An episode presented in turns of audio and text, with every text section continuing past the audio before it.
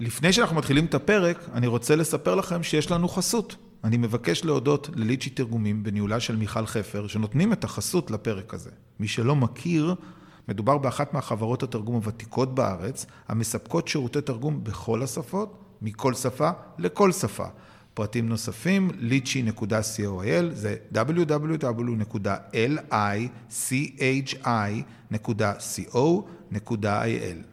יאללה, מתחילים.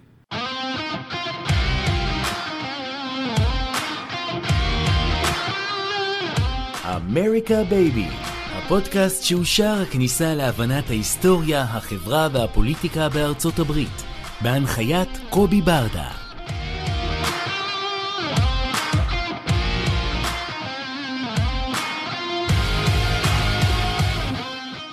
שלום וברוכים הבאים לעוד פרק של אמריקה בייבי. אה, אנחנו הולכים לעשות שני פרקים מאוד מיוחדים בגלל תקופת המלחמה שבה אנחנו נמצאים. הקפצתי את אה, ידידי והחבר שלי גיל קייפן, אה, אמריקאי שדובר עברית מופלאה, אתם מיד תשמעו עד כמה. הוא משמש כמנהל הכללי של ארגון American Jewish International Relation Institute, AJIRI, שהיום פועלת כחלק מבני ברית אינטרנשיונל, שמתמקדת בממסדים האנטי-ישראלים בתוך האו"ם, לשעבר יועץ רפובליקני בכיר בוועדה לענייני חוץ של בית הנבחרים, והפרק הראשון מתוך שני הפרקים שעכשיו אנחנו הולכים לדבר עליו, הוא בעצם פרק של איך נראה הקונגרס בזמן מבצע צבאי, אנחנו ננסה לגייס את כל מה שהוא יודע לספר לנו מה הולך להיות ומה היה בעבר, ואני רוצה להתחיל ולהגיד לך תודה רבה על ההתגייסות שלך גיל. תודה על ההזמנה, טוב להיות איתך, אנחנו פה בגולה, אנחנו כמובן עוקבים אחרי מה שקורה בארץ, אנחנו חושבים עליכם ומתפללים שלומכם. תודה רבה, מרגש מאוד. תראה, רק אתמול אה, התפרסמה ידיעה שמדברת על זה שהממשל רוצה אה, להציג בפני בית הנבחרים אה, 100, מיל, 100 מיליארד דולר חבילה שביידן מנסה לעשות מהלך מאוד מעניין, גם דיברנו עליו לפני זה, הוא מנסה לקחת בעצם שלושה מעגלים, מעגל אחד לבייס הדמוקרטי זה להעביר את החבילה של אוקראינה, המעגל הרפובליקני זה להעביר כסף לחומה, ומה שאמור להדביק את שניהם, התמיכה הביי פרטיזנית זה לנושא של ישראל. תן לנו איזשהו תרשים זרימה, איך מתנהל בכלל נושא של הצעת חוק, איפה זה עובד, מי מגיש, איך זה מתקדם, אה, לאיזה ועדות זה הולך, מה, תן לנו את כל התרחיש של שרטוט הצעת חוק. כן, אז אה, קודם כל, כמו שאתה אומר, זה באמת אה, דבר יוצא דופן, זה באמת מהלך מאוד מאוד מעניין. שביידן מנסה לעשות עכשיו, לא בטוח שזה יצליח, אבל אני חושב שהרעיון הוא רעיון יפה. ובאמת אה, זו עסקה פוליטית קלאסית, הוא מנסה לתת דברים שקבוצות שונות רוצות ולערבב אותם ביחד וכמובן שיהיו כאלה שלא בעד חלק אחד ויהיו כאלה שלא בעד חלק שני אבל הכוונה והמקווים שבסופו של דבר כל קבוצה חשובה תקבל דברים חשובים שהם רוצים ושזה יעבור.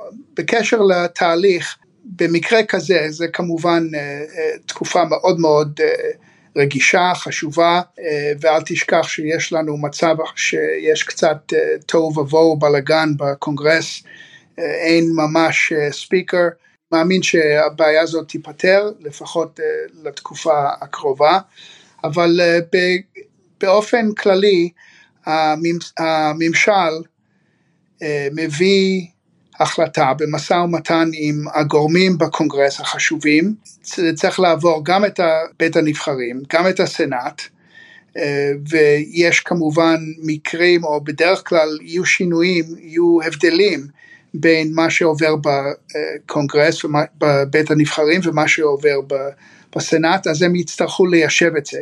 אז הם מקימים מה שנקרא קונפרנס, uh, הם מקימים אה, ועדה מיוחדת של שני הבתים, כמובן יש כל הזמן התייעצויות ומגעים עם הממשל, כי בסופו של דבר הם רוצים להעביר דבר שיכול לעבור גם את שני הבתים וגם שהנשיא יחתום בסופו של דבר על, על, על מה שיוצא מהתהליך הזה.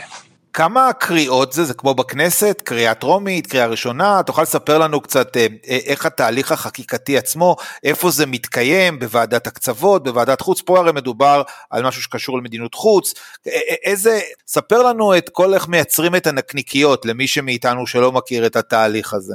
כן, אז נקודה חשובה, קודם כל, כשיש הצעת חוק, ובוודאי שזה בא לכספים, קונגרס, יש אה, משפטן בקונגרס שקובע לאיזה אה, ועדות זה שייך, וזה צריך לעבור שימועים בוועדות הרלוונטיות, אה, ועדת הכספים, ועדת ההקצוות, ועדת החוץ וכולי. זה בדרך כלל עובר הצבעות בוועדות, ואחר כך זה עובר למליאה.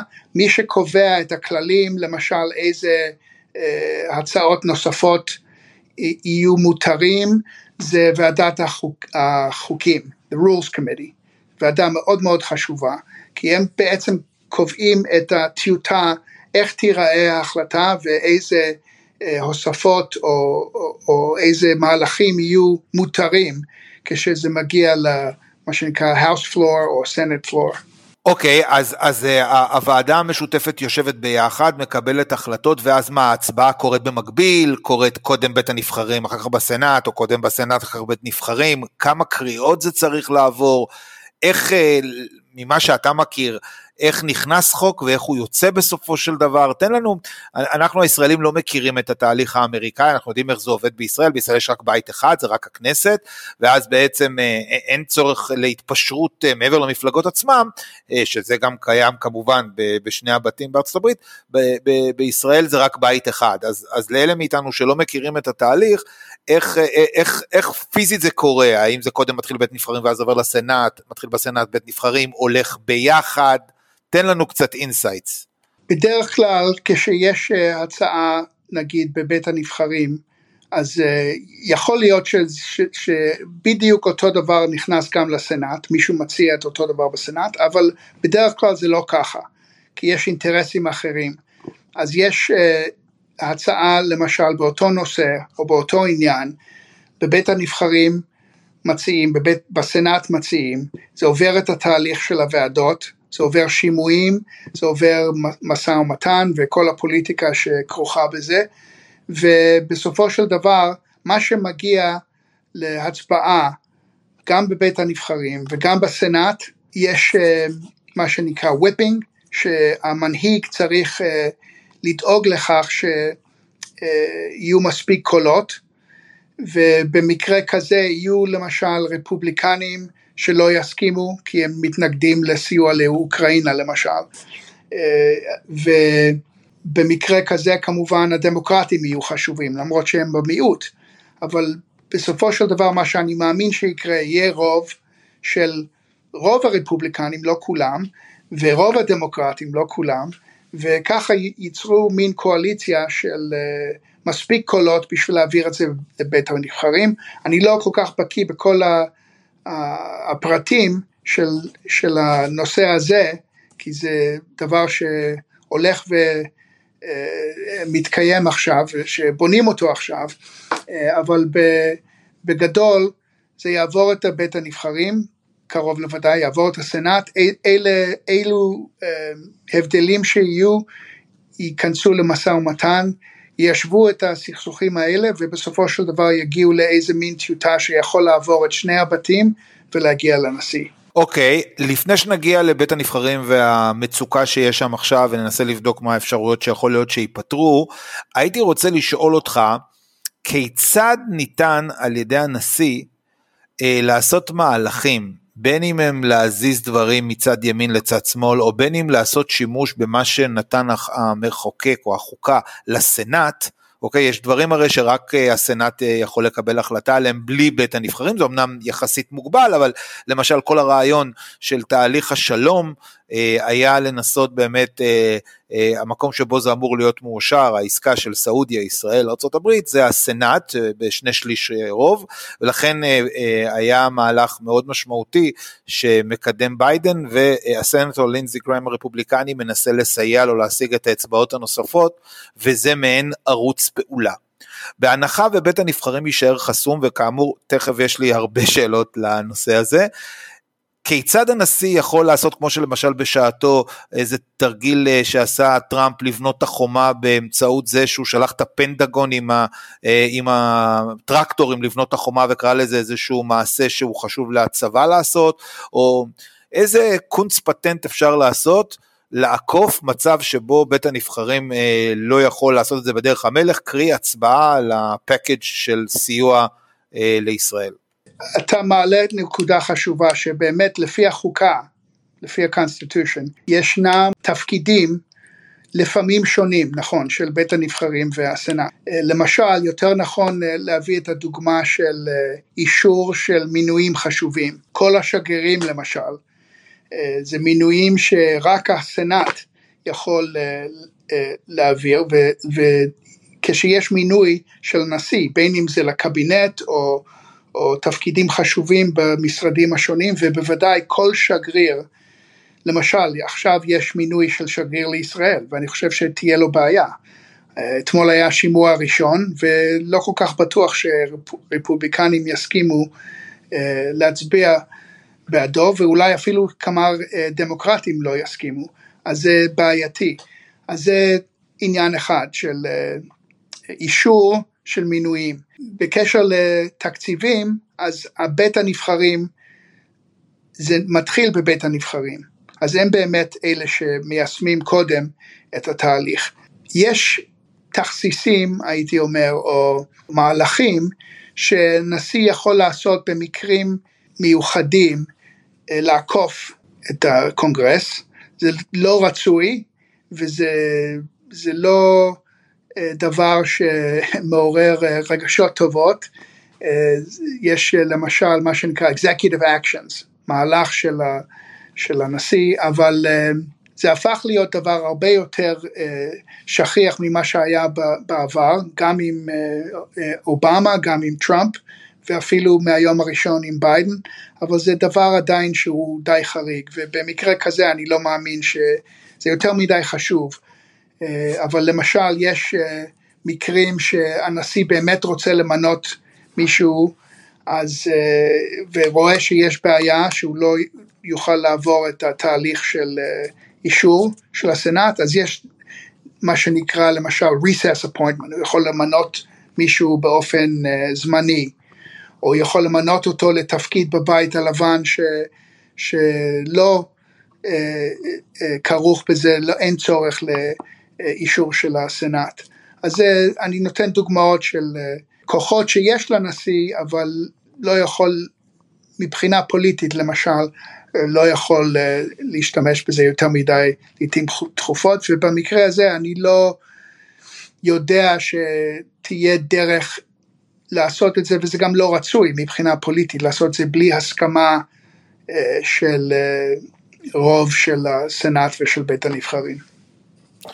אוקיי, אז בוא נדבר על הבעיה. אה, הייתי אומר אה, על הפיל שבחדר תרתי משמע, אה, שזה ההחלטה של המפלגה הרפובליקנית, שסימלה הוא פיל, למי שלא יודע, להדיח את היושב ראש הקודם. אנחנו נמצאים באיזשהו דדלוק נכון ל- ליום הזה שאנחנו מדברים, אנחנו מדברים יום חמישי בערב, ונכון להיום מי שהיה המועמד השני, אחרי שסקליס הוריד את המועמדות שלו, ג'ים ג'ורדן הודיע לפני זמן קצר שאחרי שני סיבובים הוא מרים ידיים והוא לא מתכוון לרוץ לסיבוב נוסף וזה בעצם אה, תוקע בעת הזאת את אה, בית הנבחרים ללא ספיקר, ללא יושב ראש. מדברים על זה שאולי ינסו לתת, להרחיב את הסמכויות הקיימות של היושב ראש שמונה אה, באופן זמני.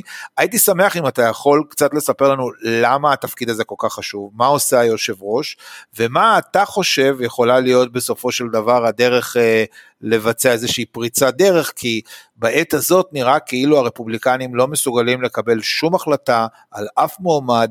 אה, שהוא יגיע בקונצנזוס אה, ברוב המאוד מאוד קטן שיש להם אה, מול הדמוקרטים מצד אחד, ומצד שני בגלל שהעיר הפכה, וושינגטון הפכה לעיר מאוד uh, uh, מקוטבת, אז גם כן הדמוקרטים לא מוכנים להושיט יד ולסייע עם בחירה של uh, מישהו שהוא יותר מתון, והם עומדים בטיעונם והם גם אלה למעשה שגרמו לכך שהיושב ראש הקודם למרות, הספיקר הקודם שלמרות שהיה זה שהגיע איתם להסכמות על חבילת סיוע ל-45 יום, הם לא נתנו לו את האצבעות הדרושות כדי למנוע מאותם שמונה קיצונים בראשות חבר הקונגרס מאט גץ להדיח אותו.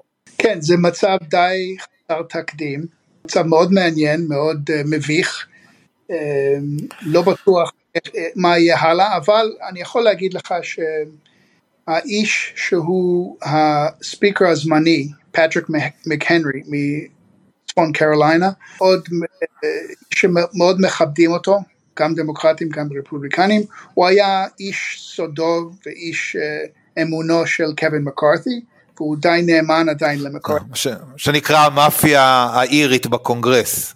נכון מאוד. אני לא מוצא על האפשרות שבסופו של דבר מקנרי ימשיך לכהן כספיקר, בטוח שכנראה מה שהולך להיות בטווח הקצר זה שהוא הולך להמשיך להיות הספיקר uh, בפועל, ספיקר הזמני.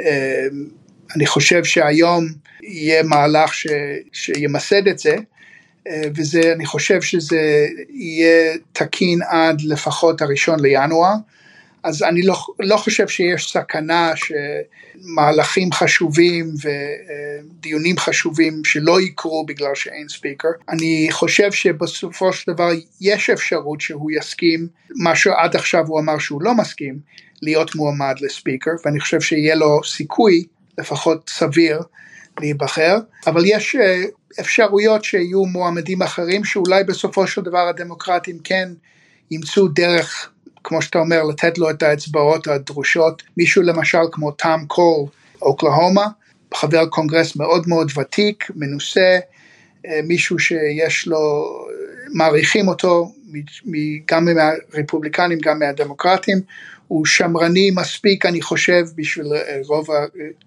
הרפובליקנים אה, ואני חושב שהקומץ הקטן שאתה מדבר עליהם שהתחילו את כל הבלאגן הזה יש עליהם לחץ עצום עכשיו ואני חושב שייתכן שהם יראו אפילו בבית במחוז, במחוז שלהם שזה לא הולך, כי מתחיל להיות תסיסה קצת, כמובן הם נבחרו, אז הם מאמינים שיש להם מנדט לעשות מה שהם עושים, אבל אני חושב שאף אחד לא ידע לראות מה התוצאות של כל הבלגן הזה, ואני חושב שבסופו של דבר יופעל עליהם לחץ וימצאו מישהו שהם יוכלו להצביע בעדו, ושבסופו של דבר יהיה ספיקר חדש.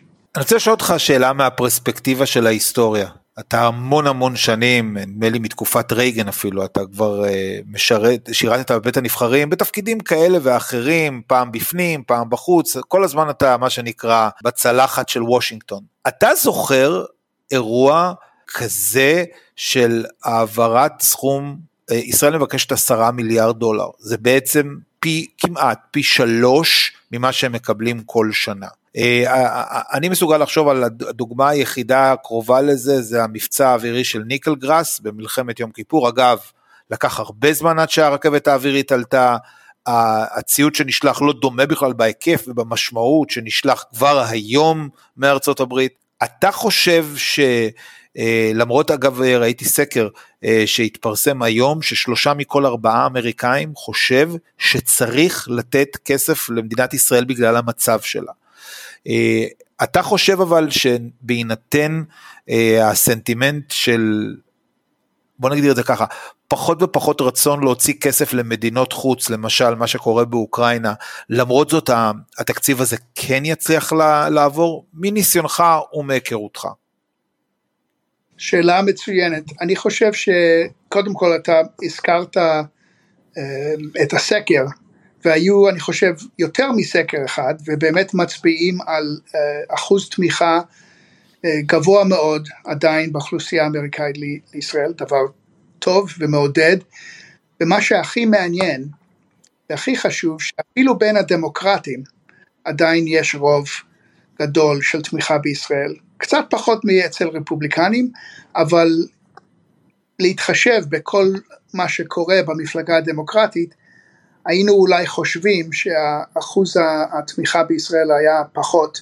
מה שאנחנו רואים זה שהאסון שקורה, שקרה בישראל וההתקפה האכזרית, הרצחנית על אזרחים ישראלים הביאה לאהדה גדולה בקרב האוכלוסייה האמריקאית, כמובן שבקרב הנוצרים וחברי קונגרס נוצרים תמיד יש אהדה לישראל, אבל בשנים האחרונות אני חושב שהיה פחד או חשש שאולי התמיכה בישראל אה, הולכת ונפחתת באוכלוסייה. מה שאנחנו רואים לפי הסקרים האלו זה שזה לא נכון, אה, נקווה שזה ימשיך.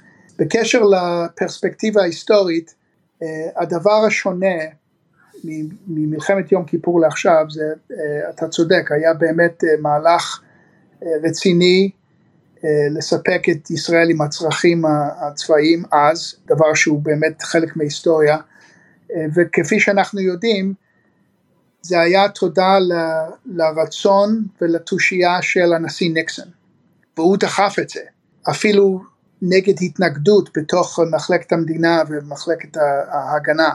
מאז דברים שונים לגמרי. קודם כל, יש היום, יש ל, ל, לקהילה הפרו-ישראלית, יש גישה לפנטגון טובה מאוד, ישנם ארגונים שיש יחסים טובים מאוד יש להם עם הפנטגון, יש uh, הרבה גנרלים בדימוס שמגיעים לישראל uh, לביקורים, אז יש המון... ג'ינסה, ארגון, ארגון ג'ינסה. בדיוק, ג'ינסה שהייתי בעבר בבורד של ג'ינסה, ארגון חשוב שמביא באמת מבקרים חשובים כמו גנרלים ואדמירלים לשעבר, שהם בעצם נהפכים להיות שגרירים או שתדלנים למען ישראל, וזה חשוב מאוד. זה דבר שלא היה קיים לפני 50 אה, שנה.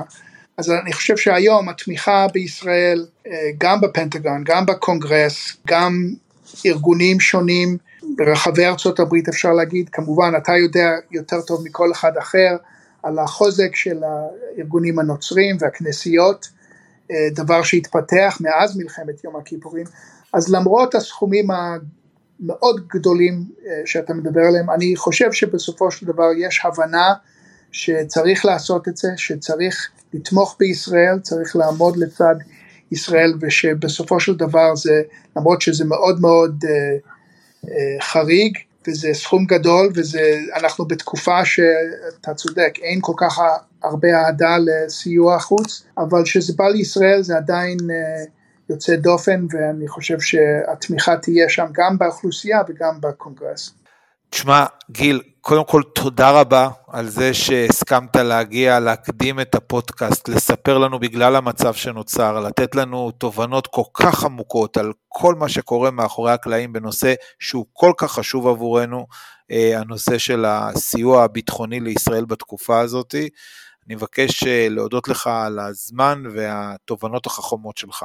עבור כולנו. היה תענוג, תודה לך קובי, וכמו שאומרים באנגלית, anytime. תודה רבה. תודה רבה שהאזנתם לפרק הזה. אתם יכולים למצוא אותנו בכל האפליקציות של הפודקאסטים, דוגמת ספוטיפיי, אפל, גוגל פודקאסט ועוד. ושוב, המון תודה לליצ'י תרגומים בהנהלת מיכל חפר, בית לשירותי תרגום בכל השפות על חסותם לפרק זה, שניתן למצוא באתר lichy.coil, זה www.lichi.co.il. תודה מיוחדת לחברת הפודקסייה בניהולו של שלום סיונוב על הפקת הפודקאסט הזה. נתראה בפרק הבא.